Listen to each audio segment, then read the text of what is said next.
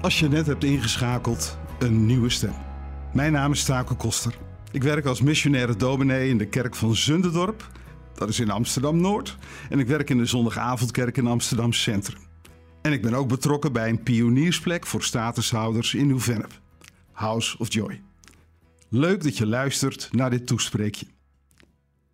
Eerder op deze morgen heb ik al iets gezegd over de vrouw die plotseling opduikt bij een maaltijd. Jezus is met zijn leerlingen te gast bij ene Simon. En dan opeens deze vrouw. In Matthäus 26 staat dit. Ze had een albasten flesje met zeer kostbare olie bij zich en goot die uit over het hoofd van Jezus. Kort gezegd, een daad van verkwistende liefde. Liefde dus. Dat klinkt toch net even anders dan het woord verspilling. Het woord dat de leerlingen van Jezus op dat moment gebruiken. Nee, een daad van liefde. En liefde is overvloedig, vooral niet te benepen. Soms zelfs verkwistend.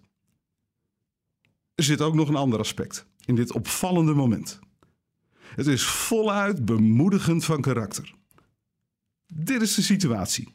Jezus stond op het punt om gearresteerd te worden. Iets verderop beschrijft Matthäus zijn arrestatie. En hij beschrijft ook de intense worsteling van Jezus met zijn vader. De angst die hem aanvliegt en waarmee hij worstelt. Maar dan is er dus ook dit moment, voordat alles gaat beginnen. Je zou wel kunnen zeggen dat God zelf deze daad van Maria, de naam van deze vrouw, gebruikt om Jezus te bemoedigen. Je weet misschien, aan het begin van zijn werkzaamheden werd Jezus door zijn hemelse vader zelf bemoedigd. Jij bent mijn zoon.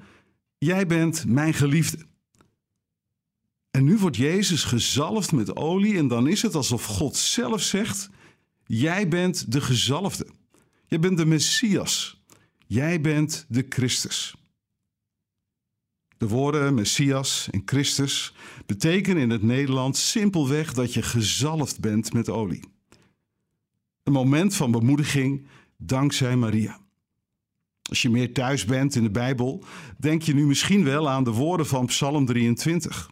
U zalft mijn hoofd met olie. Mijn beker vloeit over. Geluk en genade volgen mij alle dagen van mijn leven. En ik verblijf in het huis van de Heer tot in lengte van dagen.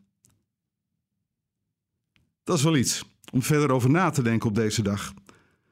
Hoe kan God jouw woorden en daden gebruiken om anderen te bemoedigen? Mijn concrete vraag voor jou op deze dag: kijk eens om je heen. Op je werk, in de straat, in je appgroepen. Wie kan er wel een bemoediging gebruiken?